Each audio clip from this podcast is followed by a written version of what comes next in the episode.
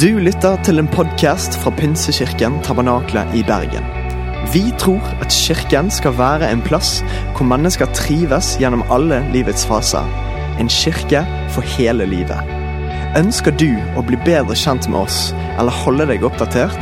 Besøk vår Facebook-side eller ptb.no. Her er ukens tale. Yes, veldig kjekt. Du, jeg skal få lov til å eh, Wow, nå fikk faktisk en melding opp på Mac-en her på Natalie som sa heia på deg. Det var veldig kjekt. Men jeg skal få lov til, det var skikkelig koselig. Jeg, eh, jeg skal få lov til å tale for dere i dag. Jeg er Ole Kristian. Eh, hallo, jeg, eh, jeg vokste opp i denne kirken her. Jeg er med og tjener i eh, litt ungdomsarbeid på lyd og sånt av og til. Jeg er med i lovsangstime, og så er jeg med å bygge dette miljøet her på søndag kveld, eh, som er veldig kjekt. Eh, og jeg eh, tror at jeg har noen bra ting som Gud har lagt på mitt hjerte, som forhåpentligvis skal treffe deres hjerter. Eh, og det gleder jeg meg veldig til. Men før det, og før jeg kommer så langt, så har jeg lyst til at dere skal få lov til å ta på dere munnbindet deres. Så får dere lov til å reise dere opp. Sant? Vi kan bli fort bli litt sånn stillesittende her. Vi sitter litt mye på stolene våre. Så derfor så tenkte jeg vi skulle Dere få lov til å vrikke litt på armene, være litt sånn løs. liksom Få litt sånn eh, bevegelse i kroppen. Eh, ikke få noen kramper, men liksom få litt sånn move på oss. Veldig bra. Og det vi nå skal gjøre for er det noe, jeg har et spørsmål. Er det noen som ser, har begynt å se på fotball-EM? Ja, noen. Ok. Jeg så på fotball-EM i helgen, og det gjorde jeg eh, fordi at jeg fikk besøk av noen som så på fotball-EM. Og tenkte da kan jeg jo se på det. Det er iallfall sosialt. Eh, men da fikk jeg med meg at Italia vant over Tyrkia. Eh, så det var jo kjekt for de som heier på Italia. Men tenk nå hvis dette her, istedenfor at det var Italia sammen med Tyrkia, så var Norge med i EM av en eller annen syk grunn. Og de vant mot Tyrkia istedenfor. Ok? Og da ville vi jublet, ville ikke det? Hvis vi var nordmenn. Så vi skal øve litt på å juble. Så jeg skal telle til tre, og etter jeg har sagt tre, så skal vi juble sammen som om Norge vant. Er dere klare for det? OK? OK, kom an. Én, to, tre. Ja! Det er veldig bra. OK, veldig fint. Det, det var ganske bra jubel. Jeg er imponert med spesielt munnbindet her. Men tenk nå, hvis ikke dette bare var eh, Norge som vant, men Norge vant hele, hele EM, liksom. Det var ikke bare åpningskampen. Og i tillegg til det så fant vi ut at koronapandemien var over. OK, jeg kødder ikke. Ok, Så det kan, vi trenger litt hopping mens vi jubler òg, OK? Hæ? Ikke lov på OK. Ah, whatever, hvordan du vil juble for det, iallfall. Så teller jeg til tre ganger til, så prøver vi på det. OK? Én, to, tre. Ja! OK. Veldig fint. Nå har vi fått litt øving på å juble. Det er det jeg har lyst til å se i denne menigheten her. Men som Sandra fortalte, i dag så var det Hvor mange sa det var som døpte seg? Seks stykker. Det er seks mennesker som får sine liv forvandlet. Og nå har vi øvd på å juble, men det er faktisk noe å juble for. For det er så sykt svært, og det er liv som blir forvandlet. Så nå vil jeg at du skal være med meg, for nå har du fått litt trening. Nå tør vi kanskje juble litt mer. Så nå skal vi faktisk stå og juble fordi at dette er seks som er blitt forvandlet. Og det fortjener all vår jubel og vår. Så teller til tre, så jubler vi sammen. Én, to, tre. Yeah!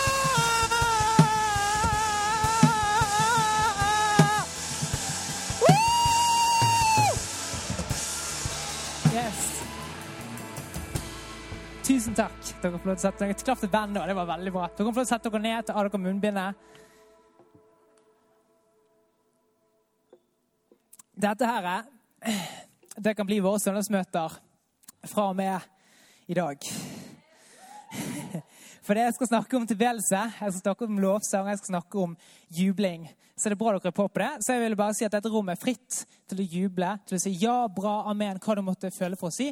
For det er et sånt rom vi er, som jubler fordi at Jesus har gjort store ting i livene våre. Men før jeg sier noe mer om det, så har jeg bare lyst til å ta og be litt. Be sliten.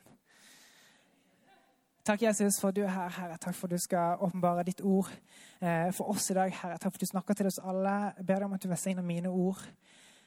At det treffer menneskers hjerter, treffer våre hjerter her, Herre. Jeg inviterer deg, Hellige Ånd, til å bare fylle dette rommet, til å fylle dette rommet med begeistring, Herre, til å fylle dette rommet med frihet, Herre. Vi gleder oss til å se mer av deg. Vis oss mer av hvem du er, Herre. Vi bare legger denne gudstjenesten og dette eh, i dine hender til din ære, Jesus. I ditt navn. Amen rått. Yes.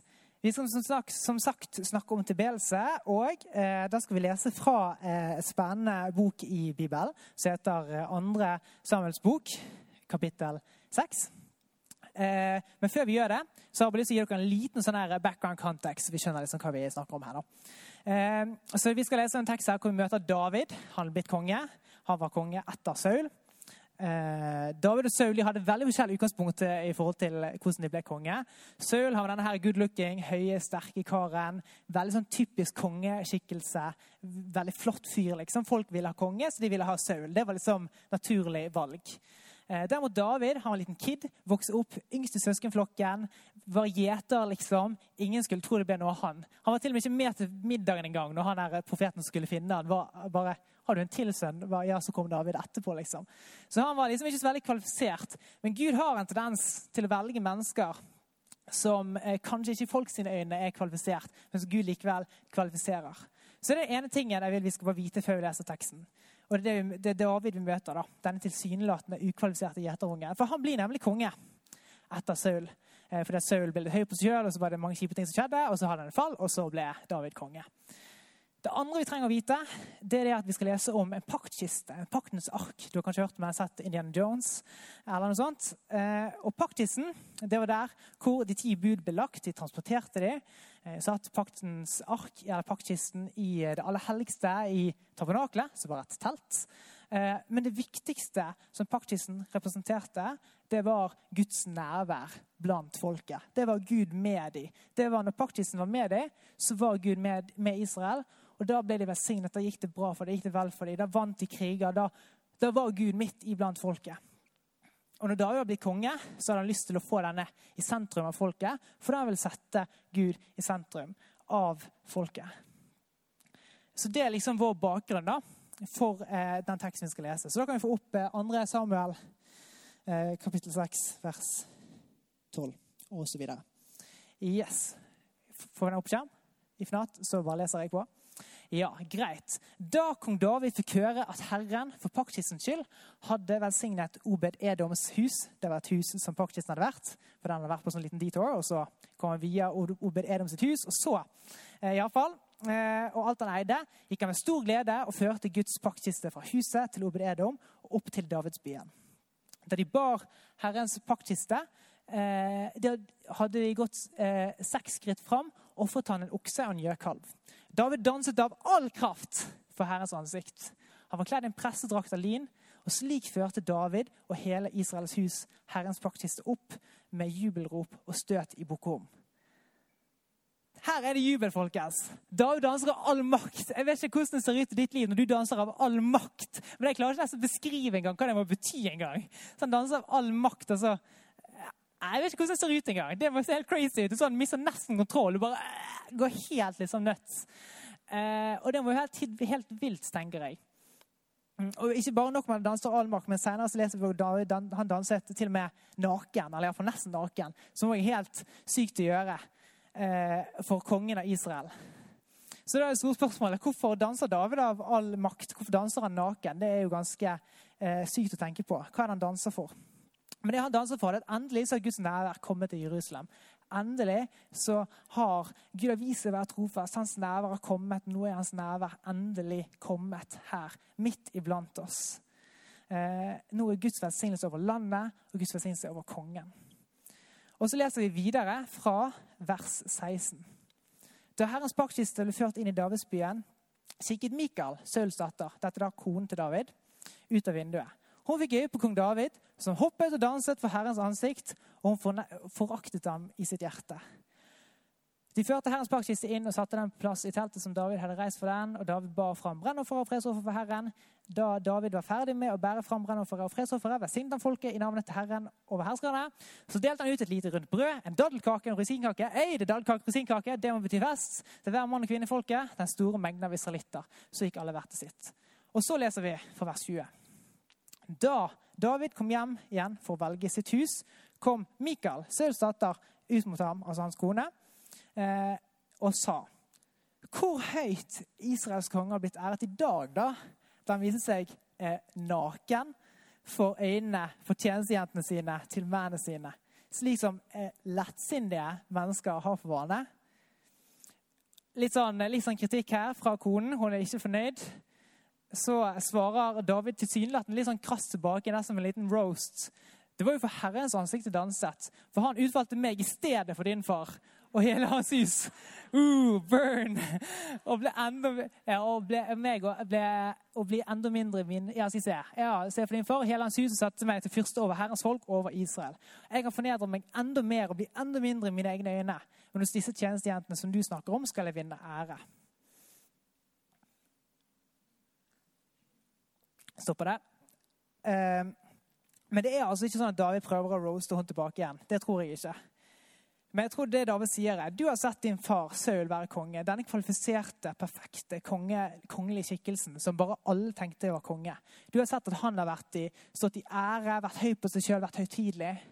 Men jeg er ikke som han, sier David. Han, jeg, jeg, er ikke denne kvalifiserte personen. Jeg er ikke denne personen som, som bare uten videre kommer meg fram og bare er kongen. Men jeg er fullstendig ukvalifisert. Men jeg vet at Gud har valgt meg fordi han har valgt meg. Ikke fordi jeg har gjort det, men fordi han har valgt meg. Jeg vet at det er kun pga. Guds nåde, pga. Guds godhet, pga. hans nærvær at jeg får lov til å stå her i dag og være konge. Så det er ikke en roast til eh, Michael. Han bare sier du bare skjønner ikke, Det er bare helt annen kontekst der. Eh, det, jeg må danse for Guds nærvær, for jeg klarer ingenting. Så det eneste jeg kan gjøre, det må være å tilbe Han, som klarer å gjøre alt. For at i Han finner jeg min styrke når jeg sjøl er svak. Det er det David egentlig svarer. Det David gjør, det er at han lar seg overveldende begeistre over hva Gud har gjort for ham. Han innser at Gud har gjort noe for ham, ikke noe han har gjort for seg sjøl. Så hans begeistring, hans respons kommer ikke ut ifra hva han sjøl har prestert, men det kommer ut ifra hva Gud gjør for ham. Han anerkjenner Guds godhet i sitt liv. Og det som skjer, det er at eh, Han forstår at det er nåde som gjør han så enormt takknemlig at han kan ikke gjøre noe annet enn å danse. Når vi begynner å se hva Gud gjør i våre liv, så la oss begeistre fordi at vi anerkjenner at det er Gud som gjør det, ikke vi som gjør det. Det gjør at Begeistringen slutter ikke heller, fordi at Gud slutter ikke å gjøre gode ting i ditt liv. Kanskje av og til er det vanskelig å se, men jeg er sikker på at hvis du søker Han, så kommer Han til å fortsette å velsigne deg med sin godhet. At vi kommer framfor ham som barn som bare ser på han liksom i awe and wonder. Bare liksom hva? Wow, Gud. Wow. Blir helt sånn der målbundet nesten av hvem Gud er. Så mitt spørsmål til deg er hva, hva har Gud gjort i ditt liv? Det vil vi så tenke på når vi snakker videre. Hva har Gud gjort i ditt liv? Der starter vår begeistring. Der starter vår lovprising. Hva har Gud gjort i ditt liv? Men hvordan skal vi ta, ta, dette her? Hvordan skal vi respondere på det faktum at David danser naken? Det er liksom, Jeg snakker om det som det er naturlig, men eh, nakendansing assosieres gjerne ikke sånn typisk med kirken. i alle fall. Det er litt andre kontekster. Kanskje ikke det er like mye tilbedelse for Herren i de kontekstene. Men eh, ja. Så, eh, men, eh, men, vi kan iallfall eh, lese at David er danser av all makt. Og Det er noe i nærheten han, mellom han og Gud, noe i takknemligheten fra David til Gud. som bare, Når han bare forstår hva Gud har gjort for ham, så bare fører til at han trenger en respons. Han må uttrykke det han kjenner på. Og Her kjenner jeg meg utfordret. For vi blir så lett med i dette rommet her at vi stopper med tanken. Vi lar oss begeistre. Vi sitter her og tenker ja, sykt bra folk døpte seg. Ja, sykt bra at folk tok imot Jesus. Ja, sykt bra. Vi sitter der og nikker liksom, og er veldig gira. Men så bare stopper det der. Sant? Kan vi bare liksom kunne tørre å bare liksom Ja! Det er bra! Fordi at det er jo helt naturlig. Altså, jeg tenker Egentlig så er jo noe av det mest unaturlige å sitte der og ikke juble eller respondere i det hele tatt. Er ikke dere enig i det? Det er jo unaturlig for oss å sitte der bare Ja, bra. Altså Det er forskjellig hvordan man er og mennesker uttrykker seg, men likevel, det er litt unaturlig, tenker jeg. Når vi kan stå på en fotballkamp og juble, eller vi kan stå på en konsert og være så engasjert, og så sitter vi der på gudstjeneste når folk har fått livene sine forvandlet, og så sitter vi og nikker i beste fall, liksom. Altså Sandra nikket. Jeg bare, det, var ikke, det var ikke kritikk til det, altså, men ikke, det er ikke så sykt kontroversielt å si at det er større at mennesker får livene sine forvandlet enn at favorittfotballaget ditt vinner en fotballkamp. Det er bare så sykt mye større, og det er så rått. Som Martha snakket om for to uker siden, om disse tapte tingene. Hvordan, hvordan man, man, kaller sammen naboer man kaller sammen venner og bekjente, for nå er det tapte blitt funnet. Det som har vært borte, kommet hjem. Og så står det hvor mye mer glede er det ikke i himmelen om én synder omvender seg, enn over 99 rettferdige som ikke gjør det. Selvfølgelig er det naturlig for oss å feire når, feire, når vi bare kan feire, kan. liksom. Vi må se hva Gud gjør, og så responderer vi for det han gjør. Og Her tror vi møter en kultur i kirken som kanskje er litt annerledes. Det er kanskje, Jeg vet ikke hvorfor vi ikke tør å uttrykke oss, men det er akkurat som om vi bare har bare innsett at kanskje, kanskje ikke det er liksom greit. Jeg vet ikke, Er det noen som har sagt at vi ikke vil lov til å juble? Er det noen som har sagt at vi skal bare sitte i ro? Jeg vet ikke, noen har kanskje, Det er litt forskjellige kirkebakgrunner. Noen har kanskje en bakgrunn hvor man Jeg var med på et bryllup for et par uker siden hvor det var sånn Folk hadde lyst til å klappe. De sa det etterpå. Vi hadde sykt lyst til å klappe. Men, men, men, er det lov å klappe i kirken? Sånn her eh, spørsmål, Er det lov å klappe i det hele tatt? Eh, så det kan være liksom bakgrunnen. Hvorfor det er sånn, det vet jeg ikke. Kanskje det er spørsmål om ærefrykt. Kanskje det er spørsmål om hellighet. Jeg vet ikke hva det kommer av. Men jeg har lyst til at vi bare dropper den kulturen der. Og så snur vi det, og så starter vi heller med å juble og tilbe. Fordi at Altså ærefrykt og hellighet når jeg ser på David, så ser jeg den hellige kongen av Israel, David, som vandrer foran det helligste i hele Israel. Foran den helligste Gud allmektige, inn i Gud den helligste sitt nærvær. Her er det så sykt mye hellige ting på en gang. Og hans respons på det det å danse naken av all sin makt, folkens. Så kanskje vi bare stopper med å tenke at hellighet vi, så Dette omskriver jo hvordan vi må møte hellighet i våre liv. Vi skal ikke møte hellighet med at vi skal være from. Det er han som er stor, det er han som er hellig. Og så er det vi som kan få lov til å slå oss løs i takknemlighet for hans storhet. Det er han som har makt, og det er vi som er hans barn, som får lov til å gi ære til det han gjør. Så bare La oss bare erklære dette rommet for fritt til å juble, fritt til å glede oss, fritt til å smile, fritt til å være glad. For dette er et rom hvor Herren er midt iblant oss. Så kan du sikkert eh, stille spørsmålet hvorfor skal vi, skal vi det hele tatt tilbe? For dette handler jo om tilbedelse. Hvorfor kan ikke jeg sitte i sol, stolen min og være fornøyd? Eh, bare nikke, gjøre som vi alltid har gjort? Jeg har stor forståelse for at vi er litt forskjellige. Det er ikke sånn at det er feil å være forskjellig. Og det som stretcher deg, det som er jubel for deg, kan være helt naturlig for meg uten at det er å stretche. Men, men det det handler om her, det er at det handler om tilbedelse. Og det handler om at vi med alt vi er, viser vår takknemlighet for Gud, for hva han har gjort for oss. Vi tilber han, takker han, takker han for den han er.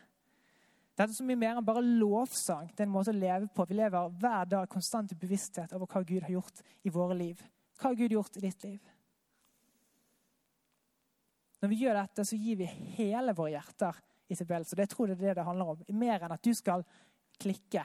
Så handler det om at du gir hele ditt hjerte med alt du er, og litt til. Hvis du skal definere hva lovsang er, basert på det vi leser i den teksten, andre steder, så kan vi si at tilbedelse eller lovsang tilbedelse det er vår aktive respons på hvem Gud er og hva han gjør. Vi må aktivt respondere på hva han gjør.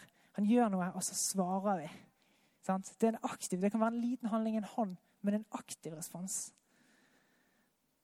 Vi tilber ikke ham fordi han skal bli fornøyd, for det hjelper ikke. Vi har fått nåde. Vi tilber fordi vi allerede har fått nåde. Vi tilber fordi vi allerede har blitt tilgitt. Det er bare en respons på hva han allerede har gjort for oss. Og Det er det mest naturlige og bibelske vi kan gjøre. Det er å takke ham for det.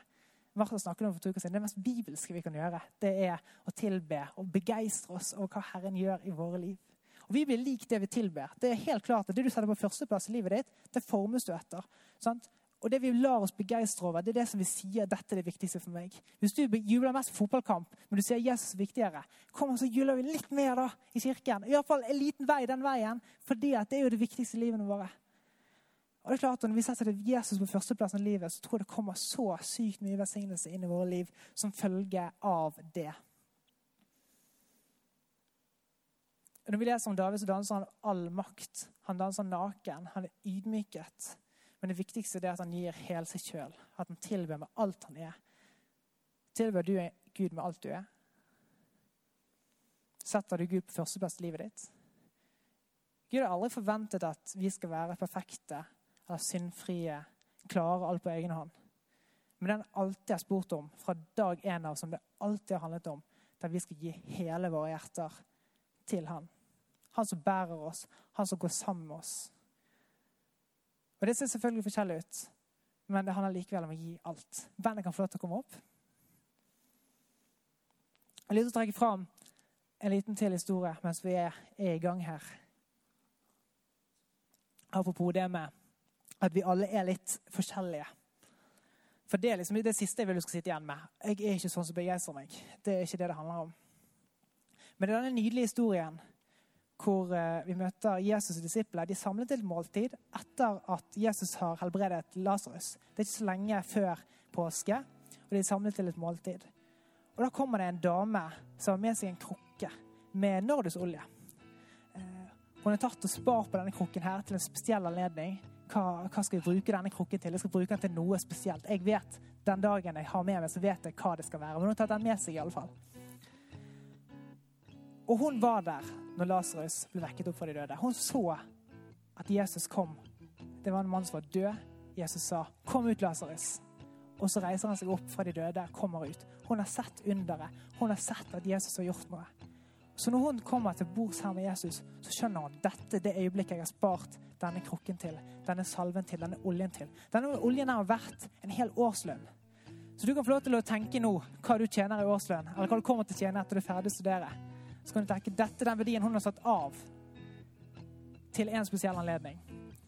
Og det hun gjør, at hun åpner flasken, og så heller hun ikke bare en dråpe, men heller hele flasken over Jesus. Og det er liksom på en måte historie av å bli salvet til konge eller salvet til gravferd i denne sammenhengen. Og folk rundt om blir helt sånn der Hva er det du gjør? Waster du? Vi kunne gitt pengene til de fattige, liksom. Det er deres respons. Og så var det en litt sånn egoistisk fyr som sa det, så han ville kanskje egentlig ha pengene sjøl, som vi får vite. Markus impliserer det i alle fall. Eh, men i alle fall, hun, men Jesus tar imot denne tilbedelsen. Han tar imot denne takken, og så velsigner han henne tilbake. Takk for at du gjorde dette mot meg. Det var helt riktig å gjøre. Det var det, var det du skulle gjøre. Denne responsen det er akkurat den samme responsen som David kom med. Et helt annet format.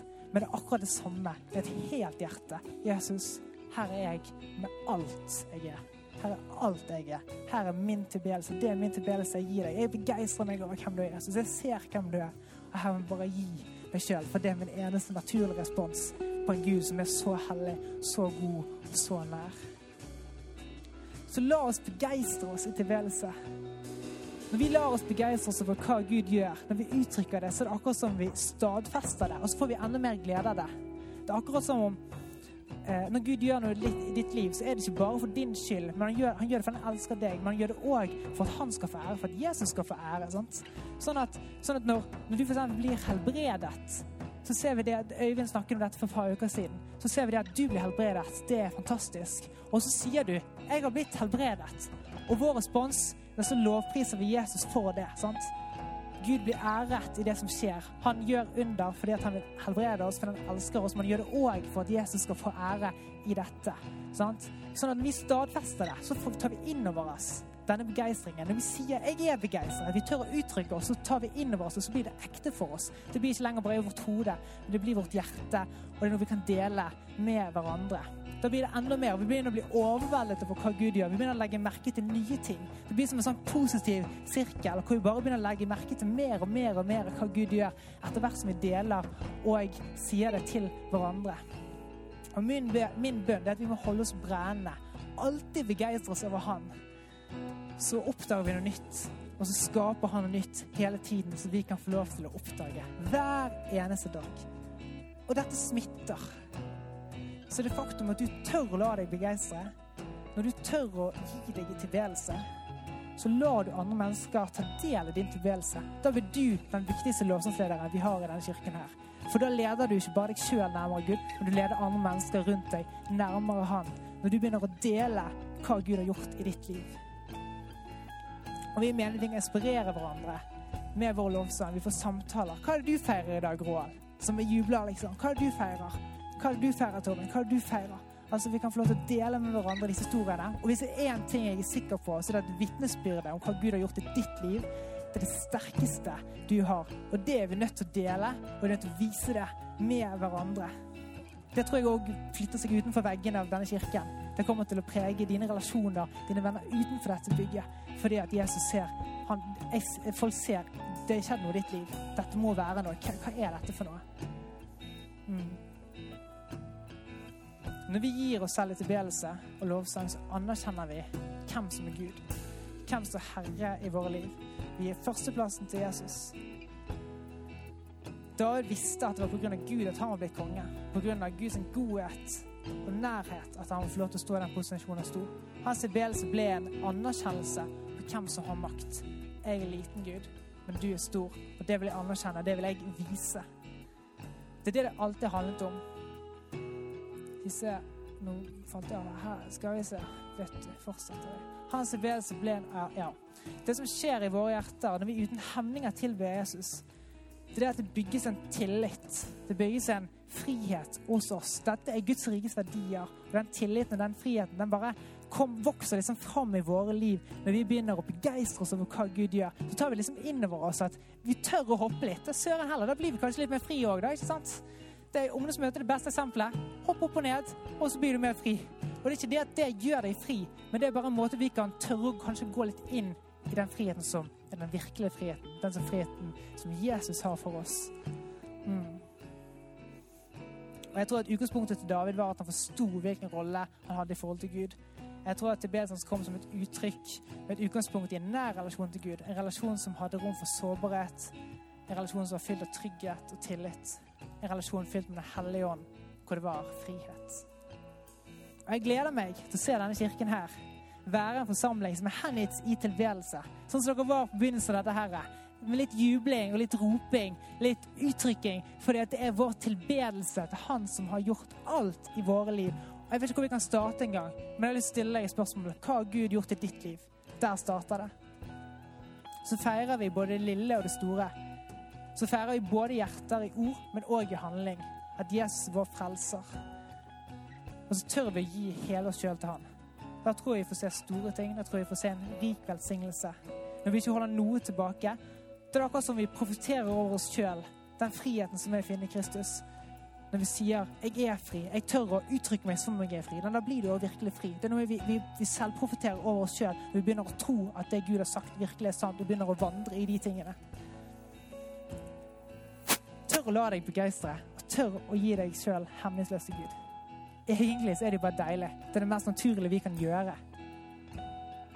Så kan ikke denne sommeren dette være vårt utgangspunkt. Vi starter sommeren med å gå inn i det på en sånn her juble og nydelig måte. La oss tilbe og takke Han for den han er. Kanskje dere får lov til å reise dere Dere får lov til å reise dere opp, sier jeg. Det tror jeg er bedre.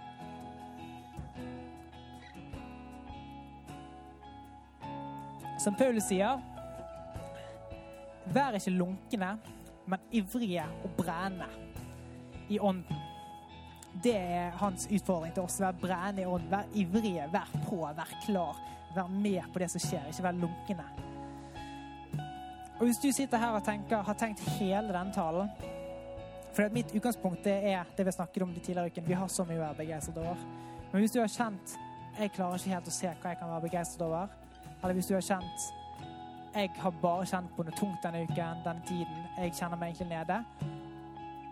Da har jeg lyst til å bare um, Har jeg egentlig lyst til å bare be for deg spesielt i dag. Fordi at begeistring er å finne, men det kan av og til være liksom drukne litt i, i, i livet vår, og det kan skje ting og sånn som det. Uh, og vi kan av og til miste den ilden som vi kanskje har. Så hvis du kjenner på Du kan få lov til å lukke øynene deres. Og hvis du kjenner på at du har mistet litt den der ilden eller brannen, den, liksom, den, drivkraften som du hadde tidligere, eh, eller har kjent på før, eller du aldri bare har hatt en drivkraft, eller du kjenner deg bare totalt ubegeistret, så er det kun jeg som ser nå. Så har jeg lyst til å vite hvem jeg ber for. Så skal jeg be om at Gud gir deg den iveren, den brannen tilbake igjen, den begeistringen tilbake igjen. Så du kan få lov til å løfte en liten hånd, så skal jeg be for deg. Da bare Herre, jeg ber. Tusen takk, Herre, for at du er her i dette rommet, din Hellige Ånd Jesus. Takk for at du er vår kilde til begeistring, Herre. Du er vår kilde til iver. Du er vår kilde til alt det vi trenger for å kunne brenne for deg, Jesus, og leve for deg, Herre. Takk for at du er alt vi trenger, Jesus, og så mye mer. Jeg bare ber du ser disse menneskene som rekker opp hånden, Herre, som kjenner at livet har vært tungt i det siste, eller kanskje bare mangler denne brannen eller iveren til å brenne for deg, Jesus. Jeg bare ber deg, Hellige Ånd, om du skal komme og fylle dette rommet, fylle de hjertene med din Hellige Ånd og ild, Jesus. Gi dem den brannen, gi dem de tankene, Herre, for det som skal være deres ting å vandre inn i videre, for deg, Herre, som skal være for ditt rike, Herre. Jeg ber deg om at du fyller dem med din Hellige Ånd, Jesus, og de skal kjenne seg begeistret, Herre, levende for deg, Herre. Kom og møt de menneskene, Jesus, så de får se hvem du er. Takk for du er en Gud som ikke skuffer, Herre, men du er en Gud som viser deg på nytt og på nytt. Du lar oss begeistre av deg, Herre. Fyll disse menneskene med din Hellige Ånd, Jesus. Fyll de hjertene, Herre, med ditt nærvær, med din brann, med alt det gode som du har for deg, Jesus. Amen. Og til dere andre dere fikk litt av velsignelsen også. Nå skal vi ta lovsynge sammen, og vi skal ta og takke Jesus for det han har gjort i våre liv. ok? Dette premisset, dette utgangspunktet. Så jeg vil at vi gå litt sånn crazy. Er dere klare for det? Altså, Dette er dagen å klikke, folkens. Og det er så bibelsk, det er så hellig. Det er vår respons på den hellige Gud. At vi jubler fordi at han har gjort alt for oss. ok? Kom an, så lovsynger vi.